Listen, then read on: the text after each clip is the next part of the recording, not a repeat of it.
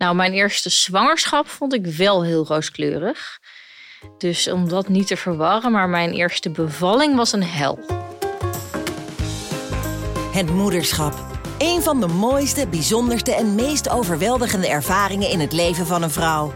In deze podcast gaan ondernemer en moeder Tamara Elbas en ecologisch pedagoog en moeder Lisette Davids in gesprek met bekende moeders die hun persoonlijke verhaal vertellen. Inclusief alle ups en downs die erbij komen kijken. Welkom bij Hashtag MomLife. Welkom weer bij een nieuwe podcast van Hashtag MomLife. En ook deze week weer een hele leuke gast, namelijk Laurien Verstraten. Nou, Laurien is uh, al uh, eeuwen voor mijn gevoel presentatrice. Heeft heel veel leuke televisieprogramma's gepresenteerd, waaronder bijvoorbeeld Campingtijd en Ondernemerslounge. Nou, Laurien hebben we uitgenodigd omdat ze ook moeder is. Moeder van een zoontje en zwanger van de tweede. Ja. Je wilde eerst advocaat worden? Lazen we online, maar dat is denk ik al een hele tijd nou, geleden. Dat wist ik ook niet precies. Dat op de middelbare school op een gegeven moment moet je kiezen. Toen dacht ik, nou, dan maar rechten. Het is lekker breed. Ja. Maar ik was altijd aan het zingen en acteren en presenteren. Eigenlijk die drie dingen. Op het podium staan. En dat ging gewoon best wel weer kriebelen. Terwijl ik in Amsterdam aan die UvA uh, aan de rechte bankjes zat. Ja. Studiebanken. Ja. ja, dus ik ben allerlei andere opleidingen gaan doen om mezelf daarin te scholen. Dus in het zingen, acteren, muziektheater en de Academie voor Lichte Muziek. Een opleiding uh, presenteren, summer school en bij Kemna Casting destijds een uh, opleiding gedaan. Super. Ja. Slimmer dan ik, want ik heb ook een blauwe maandag eh, rechten gestudeerd en nooit afgemaakt. En daar heb ik toch op de dag van vandaag spijt van. Oh, maar ja? uh, nee, ja, wel een andere opleiding afgemaakt. Avondschool. Maar soms komt het wel goed van pas, hè? Een juridische opleiding. En uh, dan ja, denk nou, ik vaak ik doe balen. Ook, ik doe ook wel eens dagvoorzitterschap bijvoorbeeld op juridische congressen. Of hè, mensen vinden het toch wel lekker misschien dat je enige kennis van zaken hebt. Of in ieder geval ja. juridisch denkniveau of zo. Ja, dus ik denk dat dat altijd van pas kan komen. Ja. Je hebt een kindje, Frederik, ja. één jaar. Ja, 13 maanden nu. En nu alweer zwanger van een tweede ja, kindje. Ja. Ook een jongetje? Ook een jongen, ja. Was dat gepland? Wilde je echt zo dicht op elkaar? Uh... Nou, nee, niet per se. Um, de eerste duurde gewoon uh, negen maanden. Dat was voor mij negen maanden te lang plus nog de zwangerschap natuurlijk negen maanden. Maar ik bedoel, ik moest wachten. Uh, en na een half jaar dacht ik, uh, het duurt te lang. Dus misschien zijn er nu moeders die zeggen... dat is toch helemaal niet lang, dat is normaal. Maar ik dacht nu bij een tweede... laten we er maar gewoon meteen voor gaan. Want het kan weer een jaar duren voordat ik zwanger ben. En toen was ik diezelfde week nog zwanger. Dus echt een luxe probleem, zo zie ik het wel. Ik was wel al redelijk hersteld. Ik voelde me weer goed ik zat op zo'n zeven, acht maanden na de zwangerschap dat ik dacht, nou, nu kan ik wel weer. Laten we gewoon proberen. Ja, het was meteen raak. Dus ze schelen zo meteen uh, ongeveer een jaar en vijf maanden als het allemaal goed gaat. Ja. En ja. in eerste instantie jouw vriend, uh, Olivier, zeg je het goed? Ja. ja. Die dacht er wel eerst anders over, volgens mij. Ja. ja. Hoe zijn jullie eruit gekomen? Nou, we dachten überhaupt eerst, laten we eens even kijken hoe dat gaat met een kind. En uh, ik dacht, ga ik misschien zo nog vertellen, maar na mijn bevalling dit nooit meer. Nou ja, daar ga je op een gegeven moment toch wel weer een beetje anders over denken. Maar nee, ik dacht op een gegeven moment, ik wil wel een tweede. Hij wist het nog niet helemaal zeker, maar toen hij zag hoe leuk Frederik speelt met andere kindjes, dacht hij, ja, we moeten hem toch gewoon een broertje of zusje geven. Dus hij was ook net om ja. die week. En echt, nou, twee weken later werd ik niet ongesteld. Ik zeg, ja, toch even een testje doen. Hij zei, nee, doe het niet, doe het niet. Want vandaag hebben we allerlei dingen en ik kan het nu even niet aan. Ik zeg, ja, ik ga het gewoon doen. En ik zeg, nee hoor, niks aan de hand, gilde ik vanuit de wc. En toen dacht ik, oh nee, het streepje wordt toch gekleurd. dus ik zeg, uh, kom toch maar even hier. Hij zei, nee, nee, nee, dit meen je niet. Dus hij komt naar die test toe. En wij hebben echt allebei soort van helemaal verbaasd. Gewoon een uur lang van nee, dit meen je toch niet? Nu al. Hoe dan? Maar goed, uh, ja, luxe probleem wat ik zeg. En uh, zijn er heel blij mee. Ja, het schijnt dat als je wat korter achter elkaar zwanger raakt, dat je lichaam dan nog een beetje herinnert hoe het ook alweer was. Dus Ja. vaak zie je toch wel dat ja, soms moet je wat langer wachten, maar soms kan het ook zomaar in één keer raak zijn. Ja. Inderdaad, een luxe probleem. Nou ja, ik ga ervan uit als je twee kindjes op de wereld zet, dat je ook heel graag mama wilde worden. Zeker. Het was eind jaren twintig nog niet helemaal. Als ik het zo een beetje teruglees in de interviews die jij doet. Nee. Ehm, wanneer wist je dat je wel klaar was voor kinderen? Toen ik eh, tiener was, dacht ik altijd: ik wil vier kinderen en ik wil eh, dit en dat. En precies eh, zoals mijn ouders hadden, want ik kom uit een nest van vier. Ik ben de oudste van vier meisjes. Op een gegeven moment ga je het echte leven in en denk je: nou, eerst maar eens een, een man met wie ik dat samen wil doen. Want ik zag dat niet voor me om alleen te doen. Ik zag het ook niet voor me om allerlei moeilijke processen in te gaan. Ik dacht: ik wil het gewoon op een natuurlijke weg en met een man samen. Die was er nog niet. Ik heb wel eh, vriendjes gehad, maar dat ging dan weer uit. Ik had voor het eerst met Olivier dat ik dacht, ja, dit is gewoon Dit de vader van mijn kinderen. Ja. Ja. Mooi. En neem je Frederik, want jullie noemen hem Freek, denk ik, of Freekie, Ja. of Ja, neem je hem mee vaak Freek, ja. in, in het hele proces eh, van nou, je krijgt nog een. Een broertje, Een ja, broertje. ja. Nou ja, hij is nu 13 maanden, dus we denken dat hij nog niet alles helemaal begrijpt. Maar eh, ik denk wel dat hij onbewust al dingen meekrijgt. Want hij ziet gewoon naar mijn Ik zeg buik het groeien. Eigenlijk heel stiekem, omdat ik een mooie foto op Instagram zag. Ja, Dus die kusjes op jouw buik, daar heeft hij toch wel een bewustzijnslampje, denk ik, van oeh, er zit wel wat aan te komen. Ja, hij ziet wel dat het anders is dan Ja, hiervoor. En bij anderen, denk ik. Ja, dus nee, ik denk dat hij echt zeker wat door heeft. Eh, we praten er dan wel over. Ehm, Boekjes lezen misschien. ja, boekjes. Hij is nu heel erg met die dierenboekjes, met geluidjes. Zo vindt hij fantastisch. Ehm, of hij echt al helemaal die boekjes met baby's begrijpt, dat weet ik niet. Die heb ik trouwens ook nog niet, maar dat is wel een goede. Ja, met plaatjes. We hebben nog vier maanden ongeveer nu. Jij eh, vertelde net, en, en, en ik zag ook een beetje op je social media, dat jouw eerste zwangerschap slash bevalling, ja, dat, daar heb je niet echt een hele rooskleurige beleving omheen. Zou je in deze podcast daar meer over willen vertellen? Ja hoor. Nou, mijn eerste zwangerschap vond ik wel heel rooskleurig. Dus om dat niet te verwarren, maar mijn eerste bevalling was een hel. Weet je. Ja. ja. Nee, het was echt vreselijk. Ik wist niet wat ik kon verwachten. Tuurlijk ga je van alles lezen en bekijken en eh, cursussen doen en voorbereiden zo goed je dat maar kan. Maar het was echt, eh, ik vond het vreselijk. Een vriendin had tegen mij gezegd, eh, ik had morfine, remifentanil. Dat was heel fijn, haalt een beetje de scherpe kantjes eraf. Maar dan heb je nog wel de controle, voel je nog wel wat. Anders ben je helemaal verdoofd met zo'n ruggenprik. Anderen zeiden weer dat ze een ruggenprik fijn vonden. Anderen zeiden weer dat ze helemaal eh, zonder verdoving hadden gedaan. Ik dacht, ja, ik zie het wel. Ik heb geen idee. En eigenlijk die eerste uren ging het allemaal wel, de weeën. Ik was sowieso trouwens al bijna twee weken over tijd toen. eh, Wow. en ik werd, was al twee keer gestript. En om eh, vijf uur 's middags, een paar uur na die tweede keer strippen, toen voelde ik wat gerommel in mijn buik. Nou, dat bleken dus de eerste weeën te zijn. Mijn ouders zaten nog bij ons te borrelen. Dus nou, gaan jullie maar. Volgens mij is het begonnen. En om tien uur s'avonds verloskundige gebeld. En toen waren die weeën om de zoveel minuten. Een uurtje later zaten we in het OVG West. Want ik wilde graag eh, naar het ziekenhuis. In eerste instantie leek het mij heerlijk om in een bad te gaan. Nou, tot die tijd ging het eigenlijk allemaal prima. En dacht ik, nou, dit, dit kan ik. Maar ja, dan worden ze heftiger.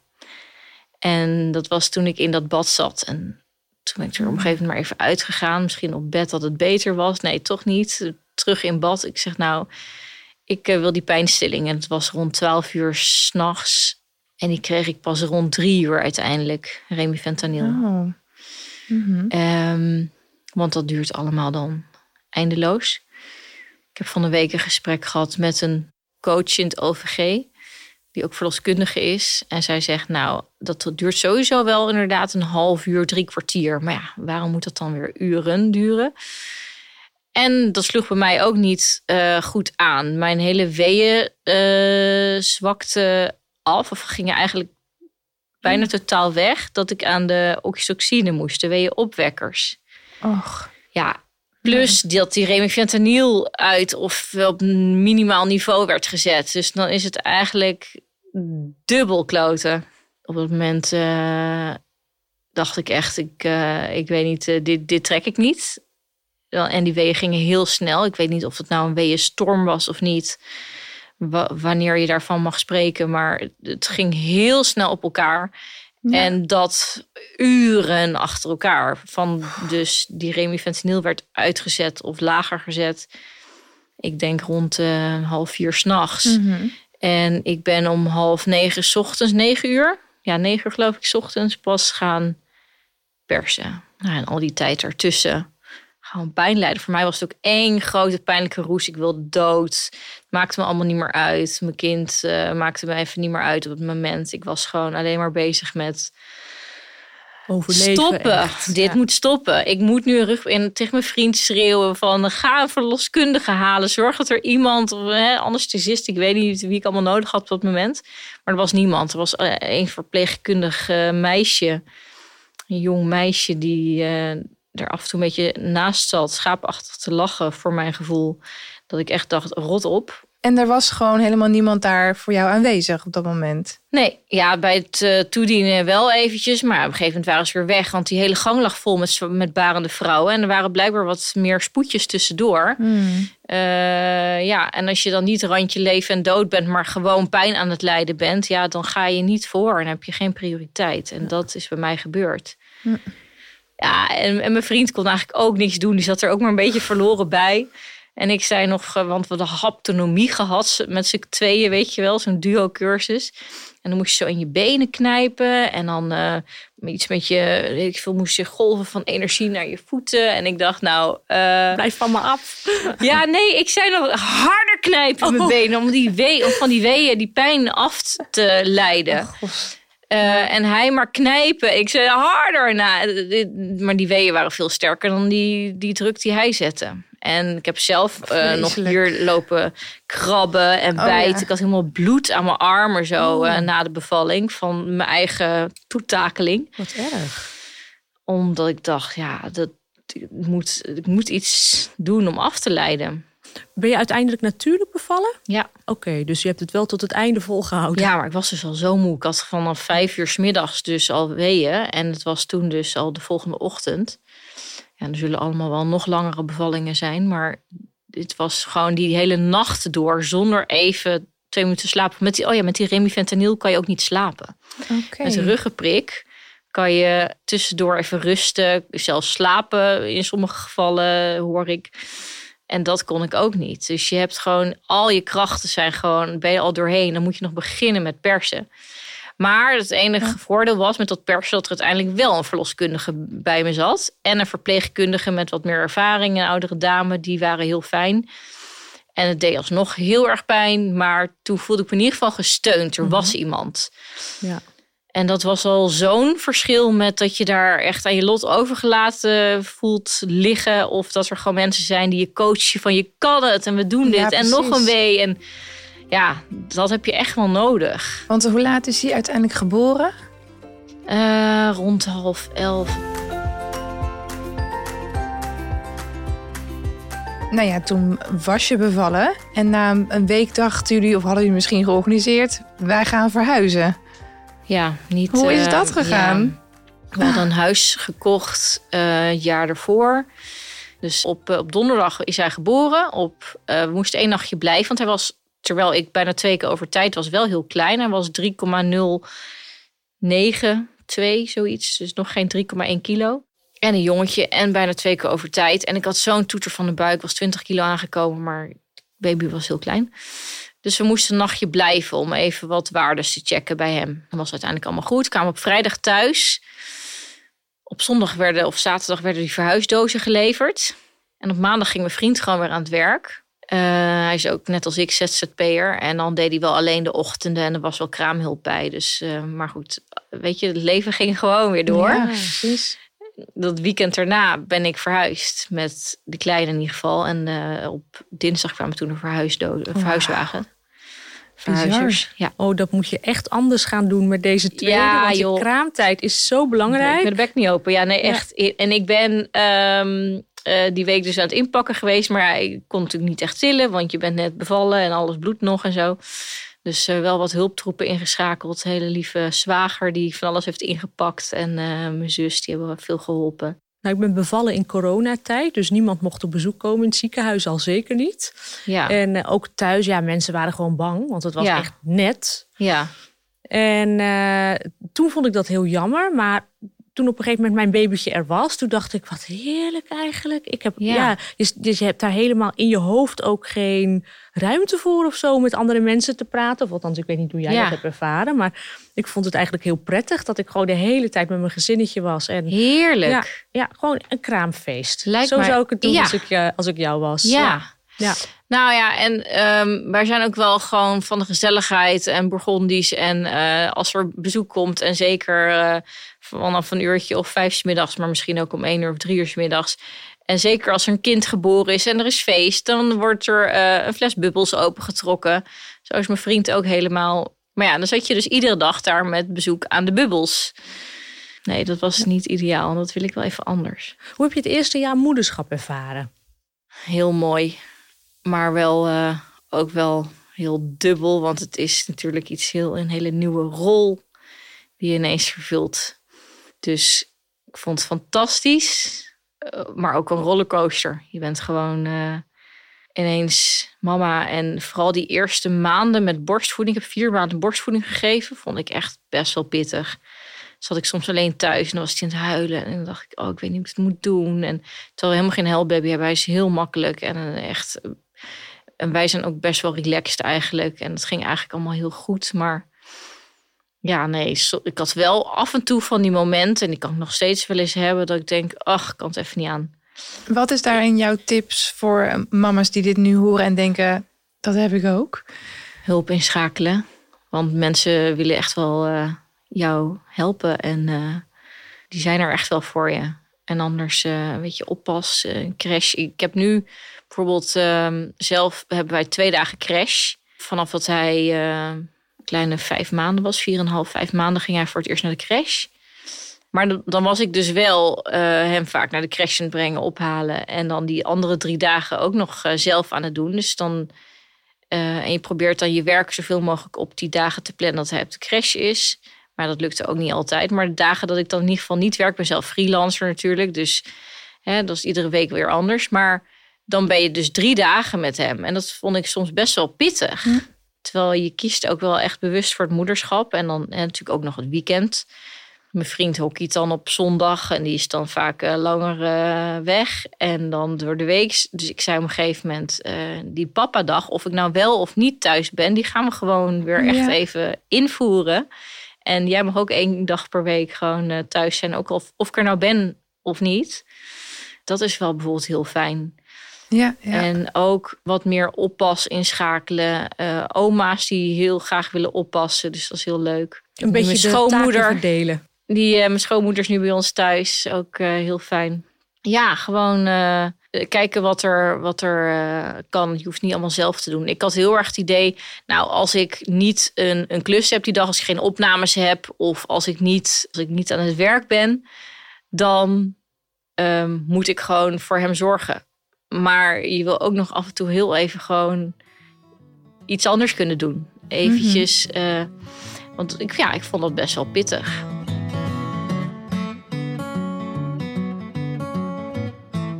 Ben je als mens veranderd door het moederschap? En wat heeft dat voor invloed gehad op bijvoorbeeld jullie relatie? Hmm, misschien ben ik ben een- wel een in die zin, ja, ik ben ondernemer, maar ik ben misschien wel iets eh, meer één standje teruggegaan. In die zin, je kan niet meer alleen maar doorgaan. Dus af en toe eh, een kind die, die trapt op een handrem of die trekt een handrem en die zorgt dat jij even een versnelling terug moet. Dus ik denk dat ik in die zin zelf wat iets rustiger ben geworden in eh, van nou, weet je, dingen die ik normaal gesproken zou ik denken, oh, ik moet nog even die mails doen, moet nog even dit doen, moet nog even dat doen. Dat denk ik nu, kom morgen wel. Het is niet zo belangrijk. Dat. Hè, of naar netwerkevents. Eh, nou, vroeger stond ik drie keer per week op een netwerkevent. Op een rode loper, première, dit, dat. En nu denk ik, ah, heb ik er zin in? Maar ik blijf wel Nee. thuis. Ja, dat. Ja, ja. En wat betreft mijn partner vroeg je ook. ehm, ja, je, je wordt wel wat meer samen een, eh, een huishouden. Je moet gewoon alles runnen, je moet alles regelen en eh, samen afspraken maken. Maar dat gaat bij ons wel heel flexibel, moet ik zeggen. Ik ben heel blij dat ik gewoon een partner heb die ook eh, zijn eigen business runt, eh, ZZP'er is en gewoon. ehm, wij kijken meestal per week en per dag van hoe gaan we iets oplossen. We hebben geen vast schema. Het is gewoon iedere week anders. Soms heeft hij een pappadag op woensdag, dan op vrijdag. En eh, van, oh, hoe gaan we het morgen eigenlijk doen? Oh ja, moeten we nog even fixen. Oh ja, eh, we boven ons allemaal meisjes wonen. We wonen zelf op begane grond. Dan in de rivierenbuurt. En boven ons wonen een stuk of 15 meiden tussen de 20 en eind 20. Die hebben allemaal eh, ongeveer toegezegd dat ze wel eens willen oppassen. Ze zijn allemaal in één oppasgroep gegooid, app. Eh, en er kan altijd wel iemand, dat is heel fijn.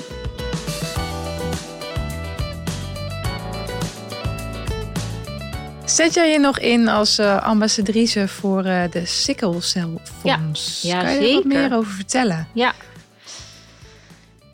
Eh, ik ben ehm, sinds een jaar of, ik denk al zes jaar, zoiets, eh, ben ik ambassadrice van het sikkelcelfonds. En de meeste mensen kennen dat denk ik niet eens. Sikkelcelziekte is een eh, bloedziekte waarbij de bloedcellen niet rond zijn, maar de vorm van een sikkel, een halve maan zeg maar, hebben. Die haken eigenlijk in elkaar, waardoor ze op een gegeven moment proppen of af, eh, eh, eh, op, opeenhopingen kunnen veroorzaken, opstoppingen. En dat kan leiden tot een pijnaanval, een crisis noemen ze dat. Nou, dat zijn gewoon hele heftige pijnaanvallen en daardoor ja, moeten mensen heel snel naar het ziekenhuis, anders kunnen de organen schade lijden. En het komt vooral voor bij mensen die geboren zijn in landen rond de Evenaar als tegengif op malaria. Maar ja, die mensen die zijn op een gegeven moment ook eh, naar eh, Nederland gekomen en die zijn er steeds meer. En dat verspreidt zich dus ook steeds meer. En het is ook niet meer alleen een donkere ziekte, maar ook eh, ja, omdat we met elkaar voortplanten, komt het bij iedereen, eh, kan, het in- kan het gaan voorkomen in ieder geval. En ik ben daar dus ambassadrice van. Eh, het is nog dus redelijk klein en onbekend, maar wel heel belangrijk dat er meer aandacht voor komt. En hoe is dat bij jou bekend geraakt? Ja, ik ben er eigenlijk een beetje ingerold. Ik werd zo via mijn management een keer gevraagd om iets te presenteren. En toen zouden we die avond Remy Bonjaski vragen als ambassadeur. Volgens mij zou Jurgen Rijman die avond presenteren. Die kon niet. Die was al ambassadeur en, en we hebben Remy eh, gevraagd die avond. En ze hebben toen letterlijk op het podium gevraagd... wil jij het ook Oh. eh, gaan doen? Wij vinden jou zo betrokken. Ik heb meteen ja gezegd.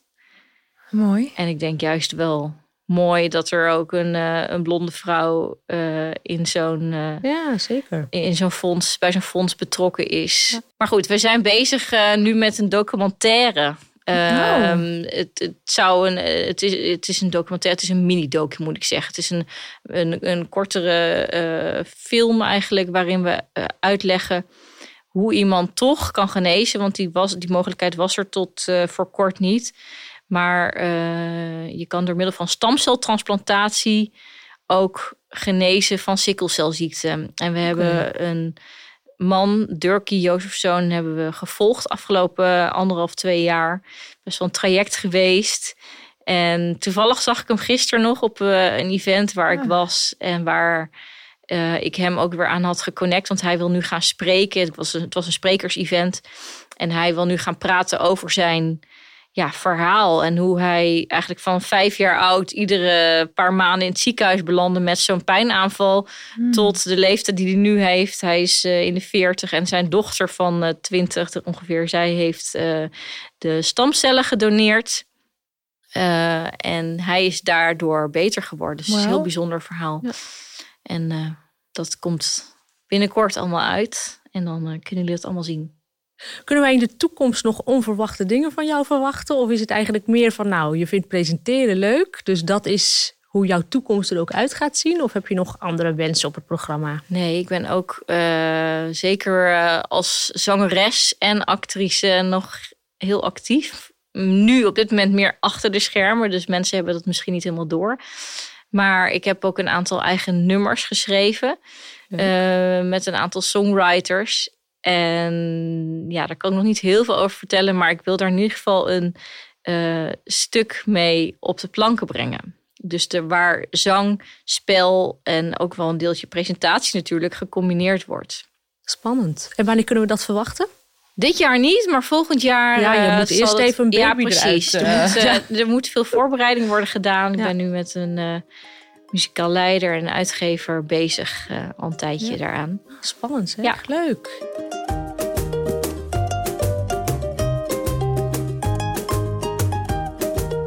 Heb jij nog tips voor eh, mama's en voor aanstaande mama's? Ik vind dat zelf altijd zo vervelend. Want dan je, je, je wil eigenlijk gewoon zeggen: eh, eh, volg je eigen intu- intuïtie. Dus alle tips en dingen die ik altijd kreeg, dacht ik ja. Weet je, het moet niet bemoeierig overkomen. Dus ik, ik zou ook vooral zeggen: volg je eigen gevoel. Ja. Maar ja, als ik dan toch wat moet zeggen. In mijn geval had ik nog meer willen horen hoe erg ik die ruggenprik had moeten nemen. Maar ja, er zijn ook vriendinnen die zeggen: Ik eh, vind het heerlijk dat ik eh, zonder ruggenprik helemaal natuurlijk ben bevallen. Ja, die moeten ook lekker dat doen. Maar als ik iets anders had kunnen doen dan na mijn eerste zwangerschap, was het Ja. dat wel. Ja. Geef je Dus- lichaam ook de tijd. Geef jezelf Ja. ook de tijd. Ik bedoel, een, een kind maken.